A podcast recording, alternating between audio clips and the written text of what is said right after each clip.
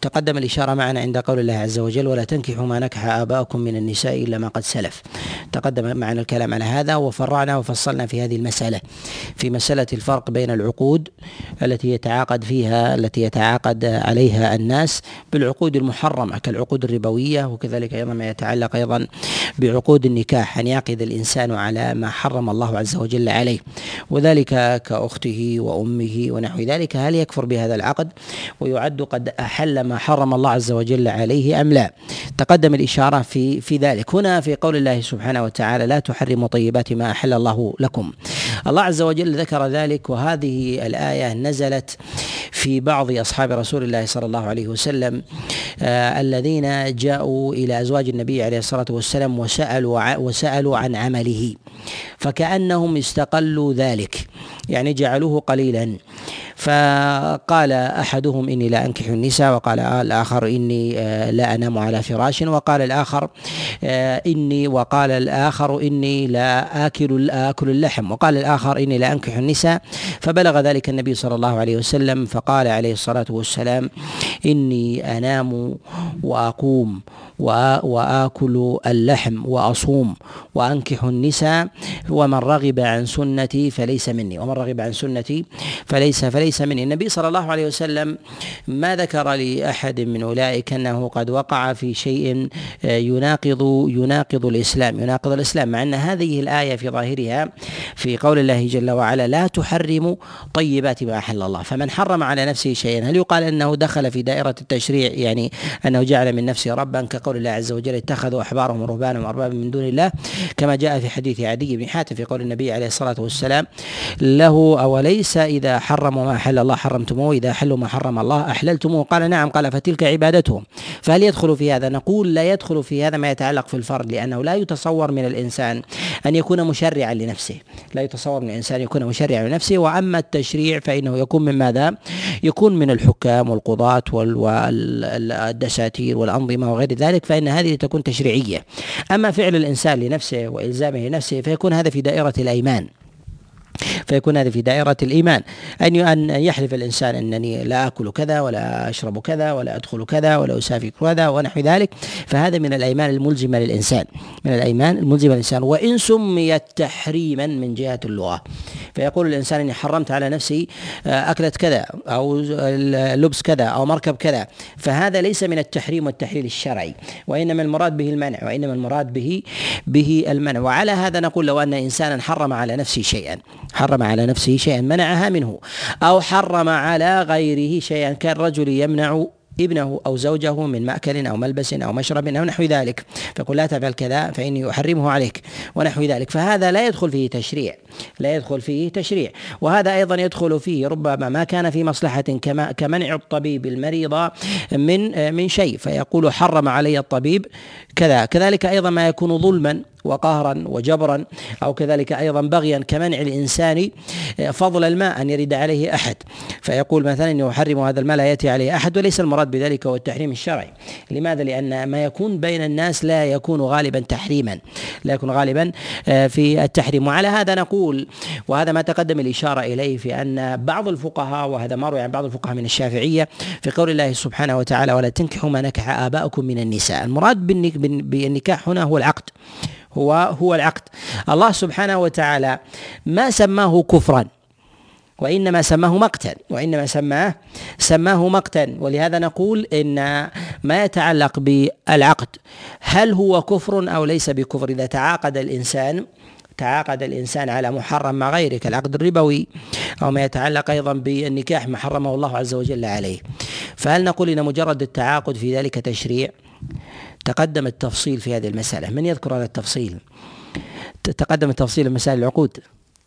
أن الإنسان إذا إذا عقد على شيء محرم أو فعله هل العقد في ذلك يعني استحلال؟ أم لا يعني استحلال؟ والنبي عليه الصلاة والسلام لما أرسل إلى الرجل الذي الذي آه، نكح امرأة أبيه إلى أن يقتل مع أن الآية فيها وصف المقت فتقدم الإشارة إلى أن هذا على صورتين. أن الإنسان إذا تمكن من المحرم من غير عقد تمكن المحرم غير عقد فهذا لا يسمى تشريعا فهذا لا يسمى تشريع. كل انسان الذي يقع في نزوة في نزوة في نزوة محرمة فربما يقع الإنسان على ذات محرم كعمته وخالته ونحو ذلك. هذا من الزنا والفجور والأمر العظيم وحده في ذلك القتل كما جاء في في ذلك الخبر وهو قول جمهور العلماء. وأما ما يتعلق في كفره بعينه في كفره بعينه. متى يكون كفرا؟ نقول يكون كفرا إذا إذا عقد على ما يتمكن منه من غير عقد لأن هذا فيه إظهار فيه إظهار التشريع وأنه أراد الحل. كذلك أيضا في مسألة الإنسان في العقود الربوية. الإنسان يستطيع أن يأخذ ويتعامل بالعقود الربوييه ولكنه يتعمد على ضبط ذلك بعقود.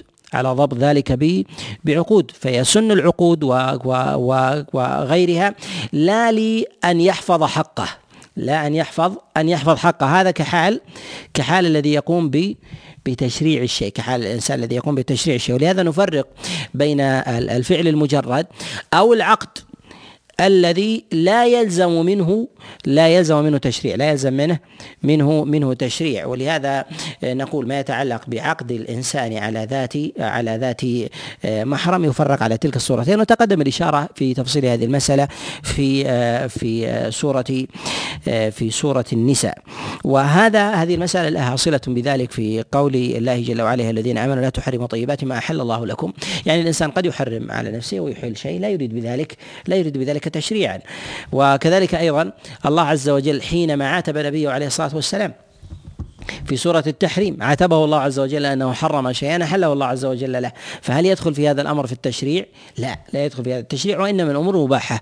وإنما الأمور المباحة أن الإنسان له أن يفعل ذلك. ولكن النبي الله عز وجل عاتب نبيه عليه الصلاة والسلام في ذلك لا أنه ارتكب في ذلك محرما. فضلا عما كان أكثر أكثر منه أكثر منه وإنما المراد بذلك هو العتاب واللوم عن عن مسألة أمر عن أمر مفضول وفاضل. ما أمر مفضول وفاضل وكذلك أيضا في في ترقي النبي في مراتب في مراتب الأكمل وذلك لاقتداء امته وأصحابه عليهم رضوان الله تعالى به. وهذا من جنس هذا النوع في قول الله جل وعلا لا تحرموا طيبات ما أحل الله لكم. ولهذا نجد أن النبي عليه الصلاة والسلام والسلام جعل ذلك مخالفة لسنته فقال من رغب عن سنتي فليس مني. جعل ذلك مخالفة للسنة والإنسان قد يحرم على نفسه فعل أو شيء آه، ولا يدخل في ذلك في دائرة في دائرة التشريع. في قول الله سبحانه وتعالى طيبات ما أحل الله لكم ولا تعتدوا. المراد بالاعتدال الإنسان أن يكون متوسطا يعني معتدلا. لا يحرم ما أحل الله ولا يعتدي في الحرام ولا يقع ولا يقع في الحرام. لهذا المراد بقول الله جل وعلا ولا تعتدوا أي أن ذلك أي أن ذلك لا يوقعه في الحرام وكذلك أيضا لا يحرم على نفسه الحلال فيتوسط في ذلك. وفي هذا إشارة أيضا وتنبيه على مسألة مهمة أن الإنسان إذا ضيق على نفسه الحلال فإنه يتوسع بالحرام. يعني يتوسع بالحرام. والله عز وجل قد جعل سعة في الحلال جعل سعة في الحلال. فإذا ضيق الإنسان على نفسه في الحلال فإنه يقع في الحرام. فإنه يقع في الحرام. ولهذا الله سبحانه وتعالى نهى عن تحريم الحلال حتى لا يقع الإنسان في الحرام فالفسحة في فالفسحة في الحلال. وهذه قاعدة قاعدة شرعية أن ما من إنسان وقع في حرام إلا وقد ضيق على نفسه في أبوابه في أبواب الحلال. ولهذا قال الله جل وعلا لا تحرموا طيبات ما أحل الله لكم ولا تعتدوا. ولا ولا تعتدوا يعني لا تقعوا فيما يخالف أمر الله سبحانه وتعالى. إن الله لا يحب لا يحب المعتدين. ما يتعلق بالآية التي بعدها في قول الله عز وجل وكلوا مما رزقكم الله حلالا طيبا تقدم الإشارة هذا في مواضع عديدة من سورة البقرة في مسألة الحل أن الأصل في الأشياء الحل. تقدم معنا أيضا في سورة المائدة أيضا في أوائلها في قول الله جل وعلا آه، اليوم أحل لكم يسألونك ماذا أحل لهم؟ قل أحل لكم الطيبات. أحل لكم آه، الطيبات. تقدم الإشارة إلى هذا المعنى فإن هذا المعنى يتكرر كثيرا في كلام الله سبحانه وتعالى. ثم ذكر الله عز وجل بعد ذلك ما يتعلق يتعلق بالأيمان ما يتعلق بالأيمان. وهذه المناسبة يتعلق بالأيمان هي مناسبة للقصة التي جاءت عند آه، في الصحابة الذين جاءوا إلى أزواج النبي عليه الصلاة والسلام فسألوا عن عم رسول الله صلى الله عليه وسلم فكأنهم استقالوه كأنهم استقالوه ف حلفوا على أنفسهم. فحلف واحد لا يأكل اللحم وحلف آخر لا يتزوج النساء وحلف آخر لا ينام على فراش. لا ينام على فراش ليتفرغ للعبادة ليتفرغ للعبادة. فحلفوا في ذلك فذكر الله سبحانه وتعالى بعد ذلك بعدما ذكر آه، نهيه جل وعلا عن تحريم ما أحل الله ذكر الله سبحانه وتعالى مسألة الأيمان. مسألة الأيمان. وكذلك أيضا آه، ذكر الله عز وجل الكفارة ذكر الله سبحانه وتعالى. كفارة كفارة الأيمان. تقدم معنا في سورة البقرة. الكلام على لغو اليمين. لا يأخذكم الله باللغو في أيمانكم. وتقدم الكلام معنا على معنى عقدتم الأيمان في قول الله عز وجل بما كسبت قلوبكم. يعني أن اليمين هي التي ينعقد عليها القلب التي ينعقد عليها آآ آآ ينعقد عليها القلب على فعل أو ترك على فعل آه، أو ترك. ونتكلم على آه، تفصيل ذلك بإذن الله عز وجل. في قوله سبحانه وتعالى لا يؤاخذكم الله باللغو في أيمانكم. آه، تقدم معنا اللغو باليمين. في قول الإنسان لا والله بلا والله ما يجري على لسان الإنسان. لا يكون لا يكون يمينا. لا يكون لا يكون يمينا. واليمين في في لسان العرب سميت يمينا لأن العرب إذا عاهدت أو واثقت صافحت بالأيمان فسميت يمينها فسميت يمينها. وهذا العهود والمواثيق التي تؤكد بالإقسام وبالنذور وغير ذلك فان فإن آه، سياد الناس في حال الأيمان والعهود التي تكون بين جماعات وبين قبيلتين فإنه يأتي سيادهم فإنهم يتصافحون كنوع من العهد والميثاق. فسميت يمين فسميت يمين من هذا من هذا الوجه. ولهذا آه، نقول إن اليمين إنما كان من جهة أصله للمصافحة. ولكن المراد بذلك هو ما اقترن به من قول. فغلب على القول ولو لم يكن ولو لم يكن مصافحة بعد بعد ذلك. واليمين هو ما أكد أو أكد الإنسان فعله على نفسه آه، بالإقسام بعظيم. الإقسام الإقسام بعظيم وأن يقسم بأسماء الله عز وجل أو أن يقسم بصفاته سبحانه وتعالى. بصفاته جل وعلا فنقول إن هذا هو اليمين. لا خلاف عند العلماء بجواز الإقسام بأسماء الله جميعا بإقسام بأسماء الله جميعا. وأما ما يتعلق بالإقسام بالصفات اقسام بصفات الله سبحانه وتعالى فنقول إن آه، عامة السلف آه، وجمهورهم على جواز الإقسام بصفات الله سبحانه وتعالى. إقسام بصفات الله سبحانه وتعالى. وقد حكى اتفاق الأئمة الأربعة بعض العلماء آه، وفي حكاية الاتفاق بالإطلاق نظر فنقول إن في المسألة في المسألة شيء من الخلاف والتفصيل. شيء من الخلاف والتفصيل. ومنهم من منع من الإقسام الإسلامي بالصفات من بالصفات وهذا قول يقول به بعض بعض أهل الرأي وقول يقول به بعض بعض أهل الرأي وأبو حنيفة رحمه الله لا يجعل الإقسام بعلم الله ولا بحق الله أن يكون ذلك أن يكون ذلك يمينا أن يكون ذلك ذلك يمينا. ومن قال بالجواز اختلف قولهم اختلف قولهم. هل هذا مطلق لجميع الصفات؟ أنه يجوز للإنسان أن يقسم بجميع صفات الله سبحانه وتعالى سواء كان ذلك آه، ذاتية خبرية أو كان ذلك الفعلية. فله أن يقسم بها جميعا آه، أم لا؟ جمهور العلماء على أنه لا فرق بين صفات الله سبحانه وتعالى من جهة الإقسام بها فيقسم الإنسان آه، بوجه الله ويد الله وغير ذلك من من الصفات. لا فرق بين بين الصفات لا فرق بين الصفات. الصفات أيضا الفعلية في مجيء الله عز وجل ونزوله. في قول الإنسان مثلا إذا أراد أن يقسم ونزول الله يقول ونزول الله أو ومجيء الله للفصل. ومجيء الله للفصل. فهذا إقسام بصفة فعلية. فالله عز وجل موصوف بالنزول والمجيء سبحانه وتعالى. فلو أقسم الإنسان بشيء من ذلك فإنه فإنه مقسم بصفة من صفات الله سبحانه وتعالى. جمهور العلماء على جمهور العلماء الذين يقولون بجواز الإقسام بالصفات فإنهم لا يفرقون بين الصفات. لا يفرقون بين بين الصفات. وهناك قلة من العلماء من يفرق بين الصفات. فيقول يجوز أن يقسم الإنسان بالصفة الذاتية الذاتية الدالة على الذات التي تدل على الذات فإن الصفات على قسمين. صفات تدل على الذات وصفات لا تدل عليها لا تدل على عليها. الصفات التي تدل على الذات؟ آه، وجه الله. فإذا قيل الوجه فإن المراد بذلك هي الذات. هي هي الذات. وما لا يدل على وما لا يدل على الذات وذلك كالعين. وكذلك السمع وغير ذلك. بعض العلماء ينهى والأظهر أن النهي في هذا ضعيف أن النهي في هذا في هذا ضعيف ولا فرق بين هذا وهذا. ولهذا نقول لحرج عليه أن يقسم بالوجه وأن يقسم باليد وأن يقسم بالعين وأن يقسم بالسمع.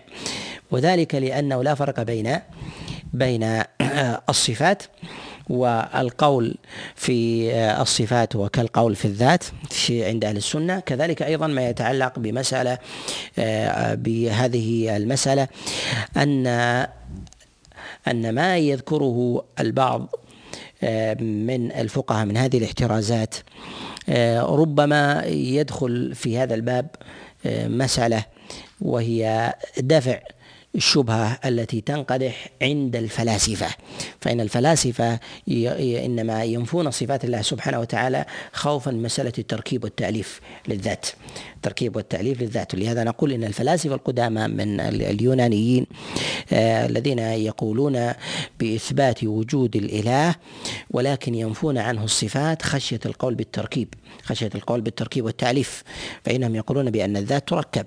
أن الذات تركب فينفون الصفات ليقولوا بذات واحدة لا لا تتجزأ. ودافعهم في ذلك أيضا هو التشبيه. دافعهم في ذلك أيضا آه، هو هو التشبيه. فنقول نثبت لله سمعا وبصرا ونثبت له جل وعلا ما أثبته لنفسه من الساق والقدم وغير ذلك من مما دلت عليه الأدلة. ولا يعني من ذلك أن هذه الأشياء أبعاض مركبة. أنها أبعاض مركبة فإنهم إنما نفوا ذلك لأنهم استحضروا الإنسان. إنما هو أبعاض وأجزاء إنما هو أبعاض وأجزاء وذلك أن منه القدم واليد والإصبع وكذلك أيضا الساق. فلو زالت يده أو زالت عينه فإنه يسمى إنسانا. يعني أنه أن هذه آه، شيء منه له شيء منه لا له. وهذا الذي ينفي لأجله المتكلمون والمعتزلة في هذا الباب من الذين تأثروا بأقوال الفلاسفة آه، من آه، من اليونانيين الذين يقولون بهذا القول وينفون عن الله عز وجل التركيب. ولهذا ينفون كل عن الله عز وجل. كل صفة هي في الإنسان تدل على التبعيض. ينفون عن الله عز وجل كل صفة هي في الإنسان تبعيض. فقالوا إن إن الذات ذات الله عز وجل لا تتبعض وهذا وهذا من الكلام الباطل والدافع إليه. القياس فنحن نثبت لله عز وجل نثبت لله عز وجل ذاته كما أن ذات الله عز وجل لا تشابه المخلوقين كذلك صفات الله عز وجل لا تشابه المخلوقين ولا حاجة إلى القول بالتركيب والتأليف. القول بالتركيب والتأليف. ولهذا لا نفرق بين بين الصفات لا نفرق بين الصفات في هذه المسألة في مسألة القسم لأن القسم إنما يقسم بعظيم. ولا أعظم من صفات الله سبحانه وتعالى سواء دلت على الذات دلت على الذات أو لم تدل على الذات سواء كانت آه، كانت ذاتية آه، كانت ذاتية أو خبرية أو خبرية فعلية. وهذا نقول إن آه، القول بعدم جواز الإقسام بصفات الله سبحانه وتعالى قول ضعيف. وقد بين ضعف هذا غير واحد من العلماء كابن رشد الحفيد وغيره. وقد جاء عن جماعة من أصحاب رسول الله صلى الله عليه وسلم أنهم كانوا يقسمون بالصفات. يقسمون بالصفات. بل جاء عن آه، بعض الصحابة كعبد الله بن عمر عليه رضوان الله تعالى أنه أنه أقسم بصفة بصفة هي في الإنسان تدل على التبعيض. هي في الإنسان تدل على التبعيض. كما جاء عند البيهقي في كتابه السنن من حديث أبي عياض أنه سأل عبد الله بن عمر عليه رضوان الله تعالى عن عن الخمر. فقال لا وسمع الله لا تحل لا يحل بيعها ولا ولا شربها. يحل بيعها ولا ولا شربها. فقال لا وسمع الله. لا وسمع الله. وكذلك أيضا فإن الإقسام بكلام الله. فإن الإقسام بكلام الله سبحانه وتعالى قد دلت الأدلة عليه عن بعض أصحاب رسول الله صلى الله عليه وسلم كما جاء ذلك عن عبد الله بن مسعود عليه رضوان الله وروي فيه خبر مرسل عن الحسن البصري عن رسول الله صلى الله عليه وسلم. وإنما يختلفون في الكفارة فإن في يختلفون في الكفارة. هل يكفر كفارة واحدة أم لكل أم لكل آية كفارة في الإنسان الذي يقسم بكلام الله سبحانه وتعالى؟ وعلى هذا نقول إن كلام الله عز وجل صفة من صفاته فللإنسان أن يقسم به. وعلى هذا أقسم رسول الله صلى الله عليه وسلم. بل إن النبي صلى الله عليه وسلم استعاذ بصفة من صفات الله. في قوله عليه الصلاة والسلام آه، أعوذ بكلمات الله التامات. وقول النبي صلى الله عليه وسلم أعوذ بعزة الله وغير ذلك من من الاستعاذة التي دلت في السنة وكذلك أيضا في قول أيوب عليه الصلاة والسلام كما جاء في الصحيحين لما لما أنزل الله عز وجل جرادا من ذهب فأخذ يأخذ منه أيوب فقال أيوب لله سبحانه وتعالى لا وعزتك وجلالك إلا أنه لا غنى بي لا غنى لي عن كرمك. وهذا يدل على على جواز الإقسام به بصفة الله سبحانه وتعالى وعزة الله عز وجل صفة من صفاته صفة من من صفاته. فالإنسان يقسم يقول وعزة الله وجلال الله وسمع الله وبصر الله وغير ذلك من من أنواع الإقسام. فإن الإنسان في مثل هذا يقسم بعظيم. و أما ما جاء عن عبد الله بن مسعود عليه رضوان الله تعالى أنه قال لا تحلفوا بحلف الشيطان. قال بعزة الله وإنما أقول وإنما أقول برب العزة وإنما أقول برب العزة. هذا الحديث قد أخرجه الطبراني وكذلك أيضا البزار وأبو نعيم. من حديث المسعودي عن عون عن عبد الله بن مسعود وإسناده ضعيف المسعودي متكلم فيه وعون لم يسمع من عبد الله ابن مسعود عليه رضوان الله تعالى. ومراده بذلك بحلف بحلف إبليس في قول إبليس وبعزتك. لأغوينهم فأقسم بعزة الله عز وجل سبحانه وتعالى فنهاه الله فنهى أو منع فيما يروى عن عبد الله بن مسعود عليه رضوان الله تعالى. ونقول إن الخبر في ذلك إن الخبر بذلك ضعيف لا يثبت. وقد ثبت الإقسام بعزة الله إقسام بعزة الله جل وعلا في مواضع عديدة آه، من السنة. وهنا مسألة أيضا من المسائل المهمة فيما يتعلق في مسألة اليمين في مسألة اليمين وهو آه، في إقسام الإنسان آه، أو في إلزام الإنسان على نفسه شيئا بغير ذكر اسم من أسماء الله ولا من صفاته. كان يقول الإنسان علي كذا لأفعلن كذا وكذا. ف أو يقول الإنسان علي كذا وكذا إن فعلت كذا وكذا. أو لا أطعمن أو لا تصدقن أو لا أهدين أو لا أكرمن أو غير ذلك آه، إن فعلت كذا أو فعل فلان كذا أو نحو ذلك. لم يذكر اسم الله عز وجل فهل هذا يمين أو ليس بيمين؟ هل هو يمين أو ليس أو ليس بيمين؟ اختلف العلماء في هذا. منهم من قال إنه يمين ومنهم من قال إنه نذر. إنه إنه نذر. منهم من قال إنه إنه يمين وفيها الكفارة ومنهم من قال إنه ليس بيمين وليس فيها كفارة. فنقول ظاهر ذلك أنها يمين. ظاهر ذلك أنها أنها يمين لأن النبي صلى الله عليه وسلم إنما ذكر التحريم على نفسه. ذكر في سورة التحريم حرم على نفسه. وليس فيه وليس فيه أن النبي عليه الصلاة والسلام أقسم بالله. كذلك أيضا في سياق هذه الآية في الرجال الذين جاءوا إلى النبي عليه الصلاة والسلام وسألوا عن عبادته. أنهم غاية ما في هذا الدليل أنهم حرموا على أنفسهم. حرموا على أنفسهم. فيقول علي حرام كذا علي حرام كذا فنحو ذلك. فهذه فهذه أيمان.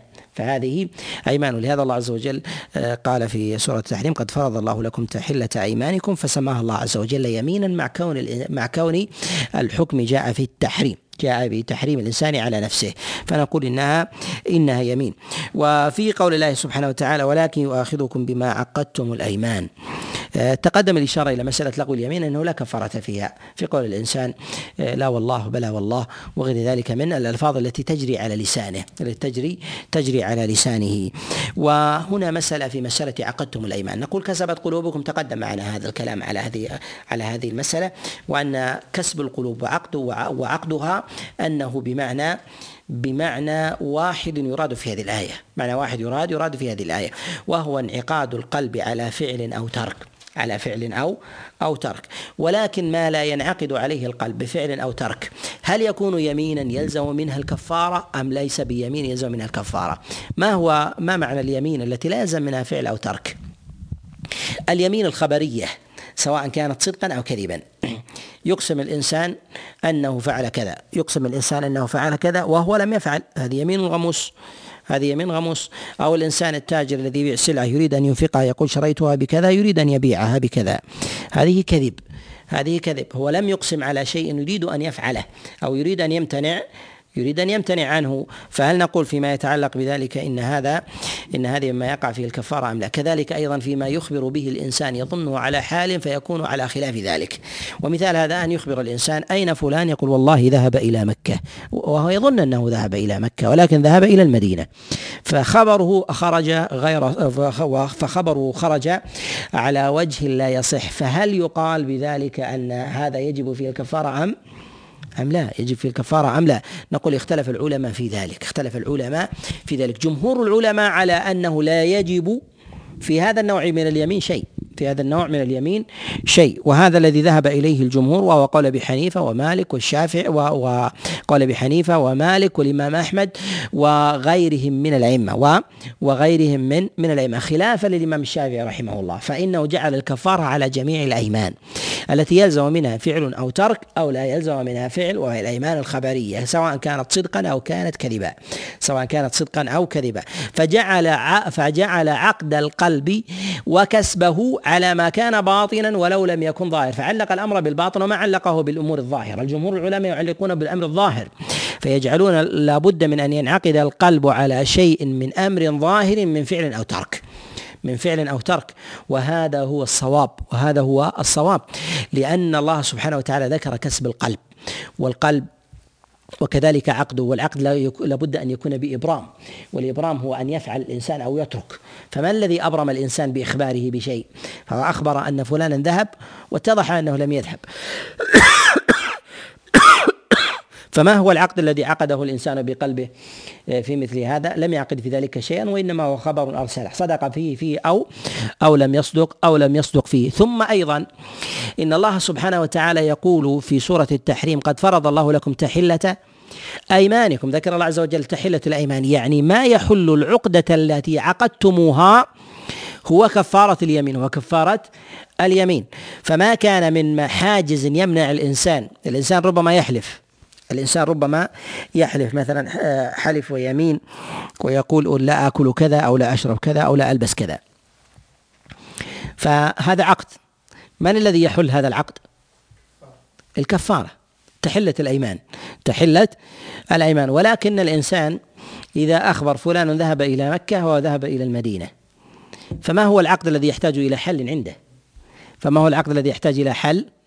حل عنده. ولهذا نقول إن الكفارة تكون فيما عقد يحتاج إلى حل. وهذا ومعنى القرآن ولهذا نقول إن القرآن يفسر بعضه بعضا. إن القرآن يفسر بعضه بعضا. فكسب القلب وعقده هو ما احتاج الإنسان معه إلى حل، ما احتاج معه الإنسان إلى إلى حل، وتحلة الأيمان تكون بكفارة اليمين، تكون بكفاره بكفارة اليمين. يعني الإنسان يرفع عن نفسه الحرج الذي يقع الذي يقع عليه والحرج الذي يقع عليه أن الإنسان حلف أن لا يفعل وهو يريد أن يفعل يريد أن يريد أن يفعل حلف أن لا يأكل ثم يريد أن يأكل حلف أن لا يلبس ثم أراد أن يلبس حتى يرفع الحرج عن نفسه يكفر عن يمينه وينتهي الأمر. إذا العقدة التي عقدها يحلها الله عز وجل بهذه بهذا الحكم تخفيفا لعباده وهو الكفارة وهو الكفارة. أما ما يتعلق بالأخبار الذي يخبر بها الإنسان صادقا أو كاذبا فذلك ليس بعقد. يحتاج الإنسان لنقضه وإنما يحتاج إلى التوبة منه إذا كان كاذبا. إذا كان كاذبا وإذا أخبر يظن أنه على حق ثم اتضح أنه على باطل فهذا من جملة الخطأ الذي يخطئ به الإنسان فيه في الأخبار التي يحدث بها. والله عز وجل يعفو عن الأمة خطأها. يعفو عن الأمة عن الأمة خطأها. وفي قول الله جل وعلا ولكن يؤاخذكم بما عقدتم الأيمان. يعني ما ما عقد الإنسان آه، القول آه، في قلبه بالإقسام بعظيم يلزم معه فعل أو ترك. يلزم معه فعل فعل أو أو ترك. قال الله سبحانه وتعالى فكفارته إطعام عشرة مساكين. ذكر الله سبحانه وتعالى الكفارة في هذه آه، في هذه الآية وهي على حالين. الحالة الأولى على التخيير. على التخيير. والحالة الثانية على الترتيب. ما كان على التخيير فهو الإطعام والكسوة وإعتاق رقبة. فهذا تخيير يختاره الإنسان يريد هذه أو يريد هذه ويريد هذه. ولا خلاف عند العلماء في ذلك. لا خلاف عند العلماء في ذلك. الحالة الثانية الترتيب. الترتيب وهو الترتيب بين هذه الثلاثة وبين الصيام وبين الصيام. لا يجوز للإنسان أن ينتقل إلى الصيام حتى يكون عاجزا عن الثلاثة السابقة وهي الإطعام والكسوة وعتق الرقبة. الكسوة وعتق الرقبة فإذا عجز عنها فإنه ينتقل إليه أما الثلاثة الأولى فهو يختار منها فهو يختار منها. ولهذا نقول إنها على حالين تخيير وترتيب. تخير وترتيب فالأولى فالأولى تخيير والثانية والثانية ترتيب. وترتيبها في ذلك أن الإنسان يكون عاجزا. في قول الله جل وعلا إطعام عشرة مساكين. الإطعام في ذلك أن يطعم الإنسان مما يتخذه الناس قوتا في بلده والناس يختلفون من زمن إلى زمن. فالأزمنة السابقة كانوا يأكلون التمر وهو قوتهم وربما وربما كان طعامهم شهورا. وربما كان طعامهم شهورا فكان غداء وكان عشاء وكانوا يفطرون فيه صياما. فهذا فهذا طعامه فإذا أخرج الإنسان منه إطعاما أصبح أصبح إطعام صحيح. ولكن في الأزمنة المتأخرة أصبح الناس يأكلونه فاكهة. أصبح الناس يأكلونه يأكلونه فاكهة لا يأكلونه قوتا لا يتخذونه لا يتخذونه قوتا. ولهذا نقول الإطعام الذي أمر الله عز وجل بإطعامه ما كان قوتا فينظر إلى قوت البلد. فإذا كان الأرز فالأرز وإذا كان الخبز والدقيق فالدقيق وإذا كان وإذا كان الذرة في الذرة وغير ذلك وإذا كان التمر فالتمر وإذا كان التمر فالتمر فينظر إلى قوت قوت البلد ينظر إلى قوت البلد. ثم أيضا بالنسبة للمقدار الذي أمر الله عز وجل بإخراجه الله عز وجل أمر بإخراج العدد عشرة مساكين ولكن كم لكل مسكين؟ نقول قد اختلف العلماء في المقدار قد اختلف العلماء في المقدار فمنهم من قال إن المقدار في ذلك مد والمد هو ملء الكفين المعتدلتين. وهذا القول قد قال به جماعة من الفقهاء ومروي عن الإمام أحمد وقال به أبو حنيفة وقال به وقال به الشافعي رحمه الله. وذهب أبو حنيفة إلى أن الإطعام يكون نصف صاع وهذا مروي عن مجاهد بن جبر من السلف. وذهب الإمام مالك رحمه الله إلى أن من أراد أن يطعم بقوت أهل المدينة يعني في زمانه يكون بالمد. وأنه إذا كان في غيرهم فبمقدار ما يشبع الإنسان. من نظر إلى المرويات المر... التي جاءت عن السلف في مقدار الإطعام الذي يخرج يجد أن التباين في ذلك أن التباين في ذلك لا تباينا تقديريا ملزما وإنما يريدون من ذلك ضبط المسألة من أمرين. ضبط المسألة من أمرين. الأمر الأول من حاجة الفقير حاجة الفقير وإشباعه. فما هو المقدار؟ المقدار في ذلك، ما هو المقدار؟ في ذلك، الأمر الثاني من شح الغني، من شح الغني أو من شح الحالف المكفر الذي يريد أن يكفر، فلهذا جاءوا بهذا المقدار وجاءوا بهذا المقدار، فهذا التباين دليل على اختلاف البلد واختلاف الحال. على اختلاف البلد واختلاف الحال. ولهذا المترجح وهو ذهب إليه جماعة من المحققين من العلماء وقال ابن تيمية وابن عبد الهادي وغيرهم إلى أن المراد بالإطعام في ذلك ما سد حاجة ما سد حاجة الفقير. ما سد حاجة الفقير سواء كان صاعا أو كان مدا صاع سواء كان صاعا أو مدا. ويجب أن يكون الفقير في ذلك سويا مكتملا لا أن يكون طفلا صغيرا فيأتي مثلا إلى طفل صغير ويطعمه تمرة وتمرتين يقول يأتي إلى عشرة أطفال ويطعمهم عشر تمرات ونحو ذلك يقول هذا هذا إطعام. وقد يكون مثلا الطفل فقير وتشبعه التمرة يأتي إلى طفل عمره سنة أو سنتين أو نحو ذلك فيأتي بعشر تمرات في يده ثم يقول هذا إطعام لكل واحد تمرة. ومن جهة الحقيقة أشبعه نقول يجب أن يكون يجب أن يكون أن يكون سويا يكون أن يكون سويا. ثم هنا في الإطعام العشرة ذكر الله عز وجل العدد. ذكر الله سبحانه وتعالى العدد. العدد آه، في هذا هل هو مقصود؟ أم المراد بذلك هو عدد الطعام لا عدد المطعم؟ لا عدد المطعم. اختلف العلماء في ذلك. منهم من قال إن المعتبر في ذلك هو عدد الطعام لا عدد المطعم. فيجوز للإنسان أن يطعم آه، طعام عشرة لفقير واحد. ومنهم من قال أن المعتبر في ذلك هو عدد المطعم. وهذا الذي ذهب إليه مالك والشافعي وغيرهم وذهب أبو حنيفة وجماعة من الفقهاء من السلف إلى ان إلى أن المراد بذلك هو عدد الطعام لا عدد المطعم. فلو أعطى فقيرا طعاما يكفيه لعشر وجبات أن يتعشى فيها عشر مرار أو يتغدى عشر مرار فيكفي وهذا هو الأظهر. وهذا هو وهذا هو الأظهر أنه يجزي يجزي عنه. فالشريعة جاءت بذكر عشرة مساكين والمراد بذلك هو إطعامه المراد بذلك هو إطعامه لأن لازم ذلك واللازم ذلك هو هو انتفاعه لأن الإنسان ربما لا ينتفع ربما الإنسان لا لا ينتفع بذلك الطعام فتقييده بالمطعم عينا عينا يلزم من ذلك هو انتفاعه ويقين انتفاعه ربما لا ينتفع ربما يبيع ذلك الطعام ربما يبيع ذلك ذلك الطعام ولهذا نقول إن مثل هذا الأمر إنما إنما يتعلق بالطعام لا يتعلق بالمطعم فإذا جاء بوجبات تكفي لعشرة ثم أطعمها واحد سده ذلك سده ذلك واجزى واجزى عنه. ويلزم أن يكون المطعم فقيرا يلزم أن يكون المطعم المطعم فقيرا. ولهذا قال مساكين والمسكين إذا أطلق يدخل فيه يدخل فيه غيره من ذوي الحاجات سواء كان ذلك فقيرا في ذاته أو كان ابن سبيل قد انقطع به الطريق ولم يجد طعاما ولو كان غنيا في بلده فيدخل فيه فيدخل فيه غيره. بخلاف لو عطف أو أو استثني منه غيره فحينئذ يخصص. قال من أوسط ما تطعمون أهليكم أو كسوتهم. هنا ذكر من أوسط ما تطعمون أهليكم آه، ذكر السطة في الطعام. والمراد بالسطة في الطعام هي بالنسبة لي بالنسبة للمكفر وهم يتباينون. منهم الغني ومنهم الفقير ومنهم متوسط الحال فبحسب فبحسب حاله. متوسط طعامه فإذا كان يأكل من الطعام الطيب ليس له أن يخرج ليس له أن يخرج دون ذلك ليس له أن يخرج دون ذلك من الرديء ولكن إذا كان يأكل الرديء فله أن يخرج الرديء وإذا كان يأكل المتوسط فيأكل. فيخرج المتوسط وهكذا. قال من أوسط ما تطعمون أهلكم إنما ذكر الأهل هنا إنما ذكر الأهل هنا لأن الإنسان ربما يمسك على نفسه ربما يمسك على نفسه أو يبخل عليها. وأما بالنسبة لأهله فينفق عليهم. قال أو كسوتهم. مراد بالكسوة هي ما يستر الإنسان واختلف في مقدارها. فمنهم من قال كل لباس كسوة. فلو أعطاه عمامة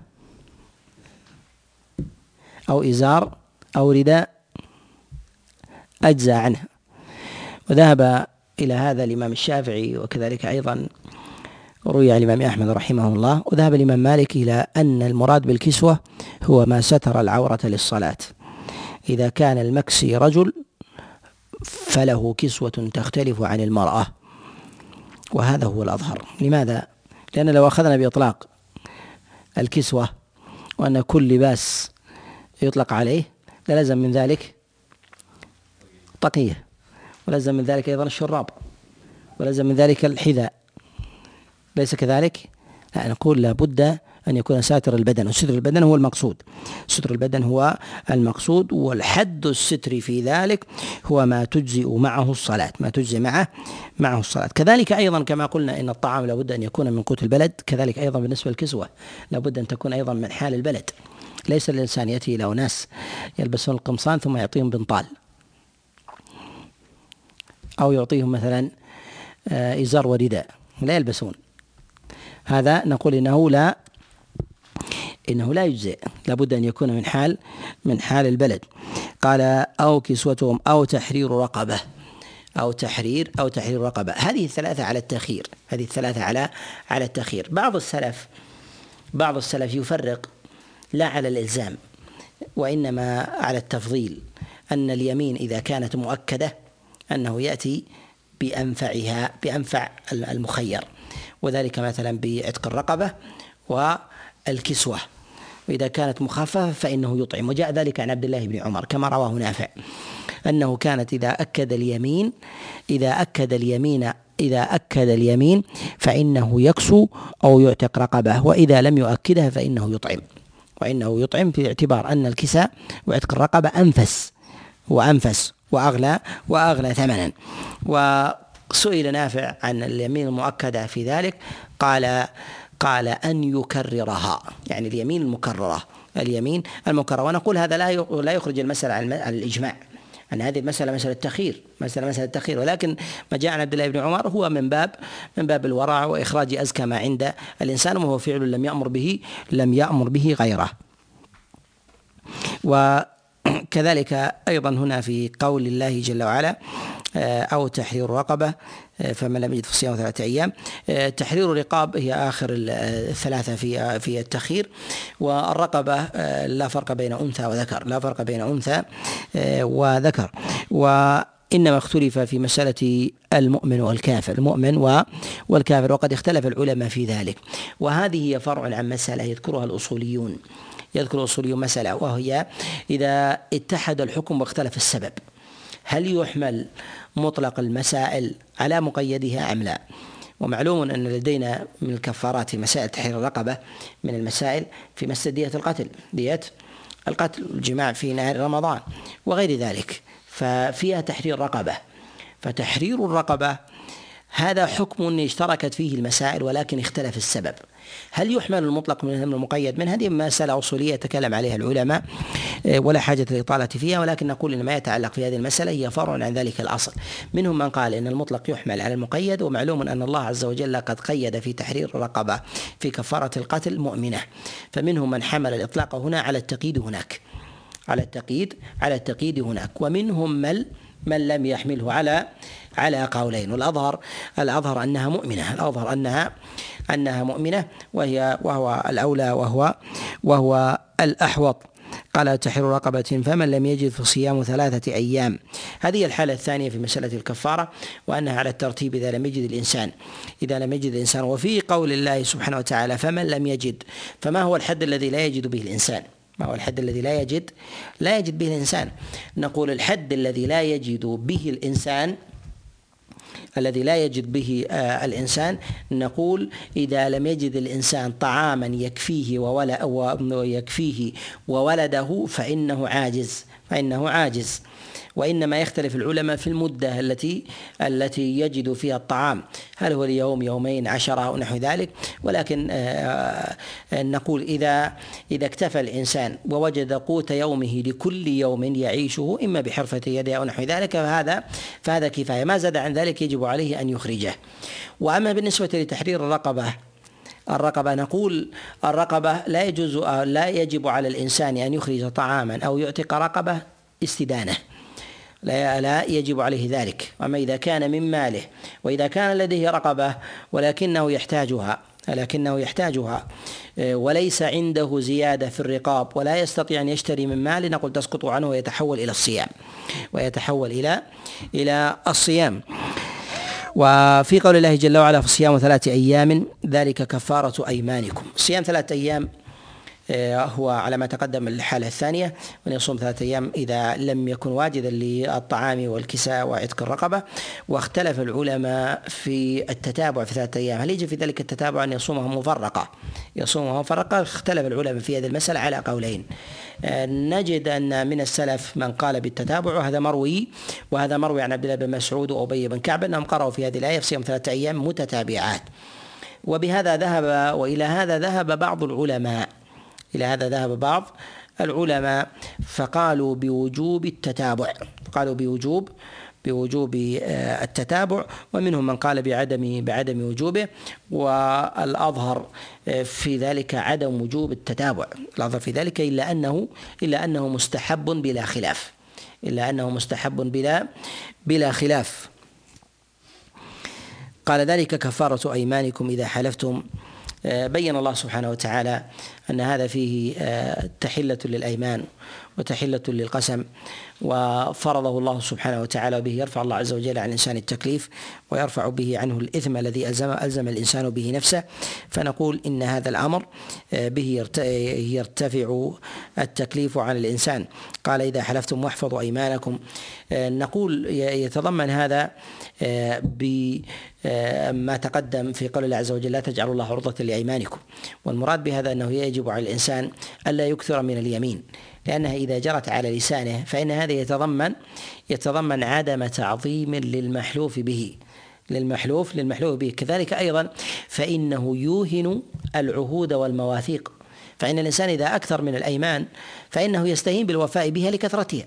وحينئذ إذا استهان بها لا يجعل الناس قيمة للأيمان ولا الأحلاف ولا العهود والمواثيق. والله عز وجل قد عظمها. فأمر بالوفاء أوفوا بالعقود والمراد بالعقود هي العهود والمواثيق التي يأخذها الناس على بعضهم. فإذا كان الإنسان يطلق اليمين ويكثر من ذلك يستهين بها الناس في سماعها ولا يعظمونها. وكذلك أيضا في الإنسان إذا أخرجها وأكثر منها استهان بإطلاقها وكذلك أيضا بالكفارة عليها.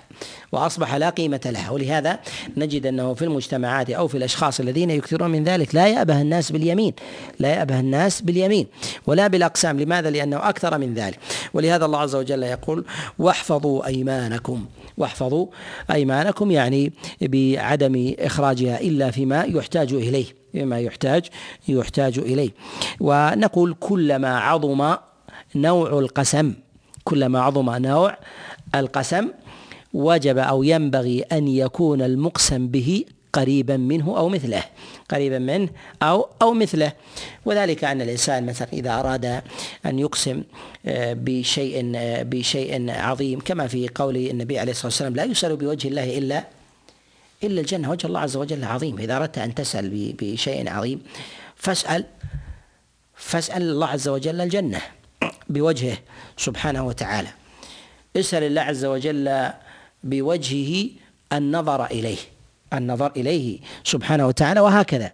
ولهذا نقول لا يعظم الإنسان أشياء حقيرة فيحلف على أشياء. ولهذا الإمام أحمد رحمه الله كان إذا أتاه ضيف وامتنع عن الأكل, عن الأكل فقال كل ولا تحتشم فإن الطعام أهون من أن يحلف عليه أهون من أن يحلف عليه يعني اليمين غالية.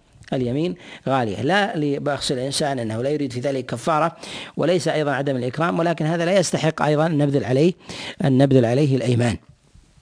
قال واحفظوا أيمانكم. كذلك يبين الله لكم اياته لعلكم تشكرون والمراد بالآيات هي الأحكام البينات الظاهرة من من إحكام الله عز وجل لشريعته وفصله آه، بين عباده فيما فيما يحتاجون إليه. ثم في قول الله سبحانه وتعالى يا أيها الذين آمنوا إنما الخمر والميسر والأنصاب والأزلام رجس من عمل الشيطان فاجتنبوه لعلكم تفلحون.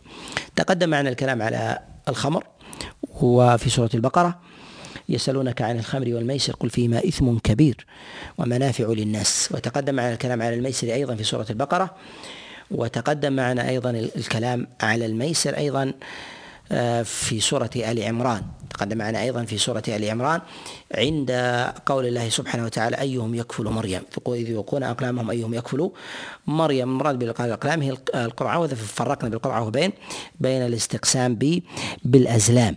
وكذلك أيضا في أول سورة المائدة.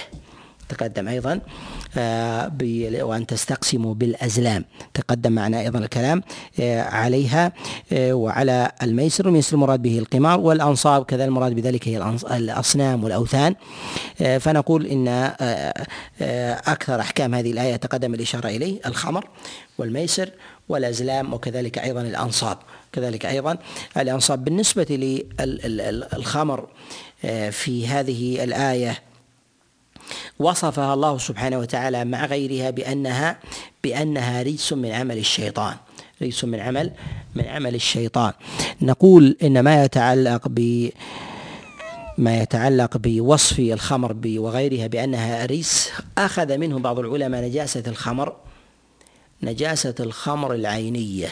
نجاسة الخمر العينية. وقد اختلف العلماء في الخمر. هل هي نجسة عينا أم نجسة معنى؟ أم نجسة نجسة معنى اختلفوا في هذه المسألة على قولين. والصواب في ذلك أن نجاسة الخمر نجاسة معنوية لا نجاسة عينية حسية. ويدل على ذلك جملة من الأدلة.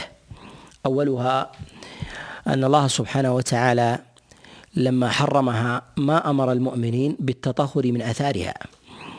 بالتطهر من آثارها. ومعلوم أن آثارها أن آثارها تكون على الأواني وتكون في البيوت. وفي أفواههم يشربونها وغير ذلك. فما أمروا بالمضمضة فضلا عن عن أمرهم بغسل آه، ثيابهم أو غسل المواضع التي هم فيها. ومن الأدلة أيضا أن لما أمر الله عز وجل بتحريم أو حرم الخمر أن الخمر أريقت في سكك المدينة. سكك المدينة. وقد دل ذلك كما جاء في الصحيح من حديث أنس بن مالك أنه قال لما حرمت الخمر جرت سكك المدينة منها. وإذا كانت نجسة لا لا توضع النجاسات في في المدينة وفي طرق المسلمين. وكذلك أيضا في الرجل الذي جاء إلى رسول الله صلى الله عليه وسلم ومعه قوارير ومعه قوارير وفيها خمر. بعدما حرم الخمر ولم يعلم بها وعلم ثم علم فسأل النبي عليه الصلاة والسلام وقال إنها خمر لأيتام يبيعها فأمره النبي بإراقتها فأراقها أمام رسول الله صلى الله عليه وسلم. ولو كانت نجسة لنهاه النبي. ولو لم ينهه لأمر بعد ذلك بإراقة ماء عليه كما بال الأعرابي في المسجد. كما جاء في حديث أبي هريرة وأنس لما أمر النبي عليه الصلاة والسلام بأن يؤتى بذنوب من ماء ثم يوضع على بول ذلك الأعرابي الذي بال بال في المسجد. فدل على طهارتها فدل على طهارتها آه، حسا وأن النجاسة المراد بها هي النجاسة معنوية.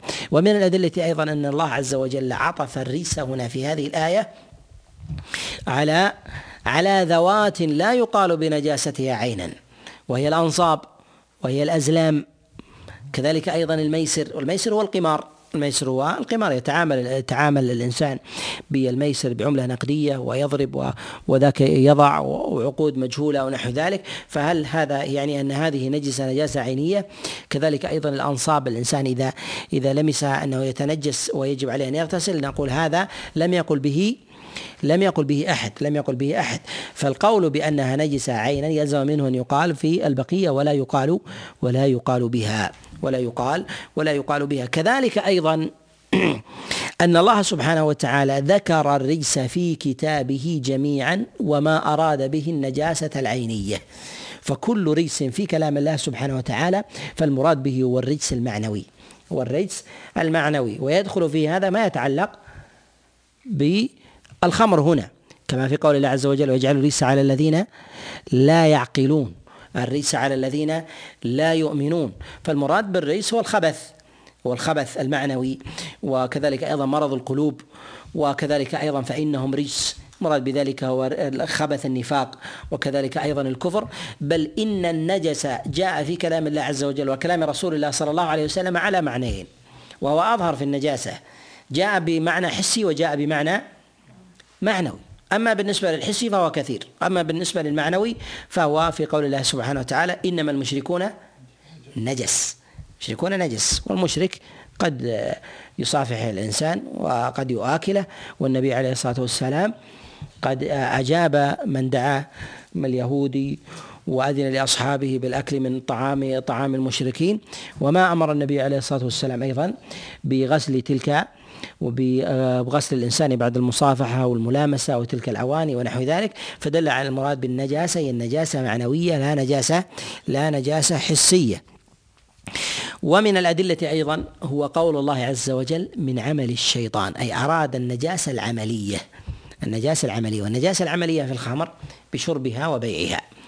وصنعها شربها وبيعها وصنعها فهذا عمل نجس. وهذا عمل نجس وعمل وعمل من من رجس من الرجس وعمل كذلك أيضا آه، خبيث فيسمى بهذا ولهذا قال الله عز وجل فاجتنبوه لعلكم تفلحون. إذا قلنا بهذا بأن نجاسة الخمر هي نجاسة معنوية لا نجاسة حسية به نعلم أن أحكام العطور الكحولية أنها نجي أنها طاهرة طهارة عينية. ولكن هل يجوز للإنسان أن يقتنيها أم لا؟ نقول إن العطور الكحولية على نوعين. النوع الأول نوع لا يكون خمرا بذاته حتى يضاف إلى غيره حتى يضاف إلى غيره يعني لم يعد خمر. فلو شربه الإنسان ربما على حاله تلك تسمم منه أو مات منه ولكن لو أضافه إلى غيره فإنه يكون خمرا. فنقول هذا ليس بخمر. هذا ليس بخمر. ويجوز للإنسان أن يستعمل كما يستعمل كما يستعمل النبيذ المثنى في الذي لم يتخمر ليوم أو يومين أو نحو ذلك. فإنما لديه جزء من أجزاء الخمر وليس لديه خمرة وليس لديه خمرة كذلك النوع الثاني هي العطور الكحولية التي تسكر بلا إضافة. فهي معدة معدة للتعطر ويمكن أن تسكر بحالها التي هي عليه من غير إضافة أو نقصان. فهذه خمر. إنما حرم اقتناؤها لأن الله عز وجل قال فاجتنبوه فيحرم على الإنسان أن أن يقاربها. يحرم على الإنسان أن أن أن يقاربها. وهذه الآية هي أصرح آية. هي أصرح آية في تحريم الخمر. وقد جاء في آية البقرة يسألونك عن الخمر والميسر. وجاءت ثم جاءت بعد ذلك آية النساء لا تقربوا الصلاة وأنتم سكارى بعدها. ثم جاءت هذه الآية. ثم جاءت هذه هذه الآية. ولهذا استدل عمر بن الخطاب عليه رضوان الله على التحريم الصريح بقرنها بالميسر. قال قرنها الله بالميسر. قرنها الله بالميسر. فانتهى الناس انتهى آه، انتهى الناس آه، عنها.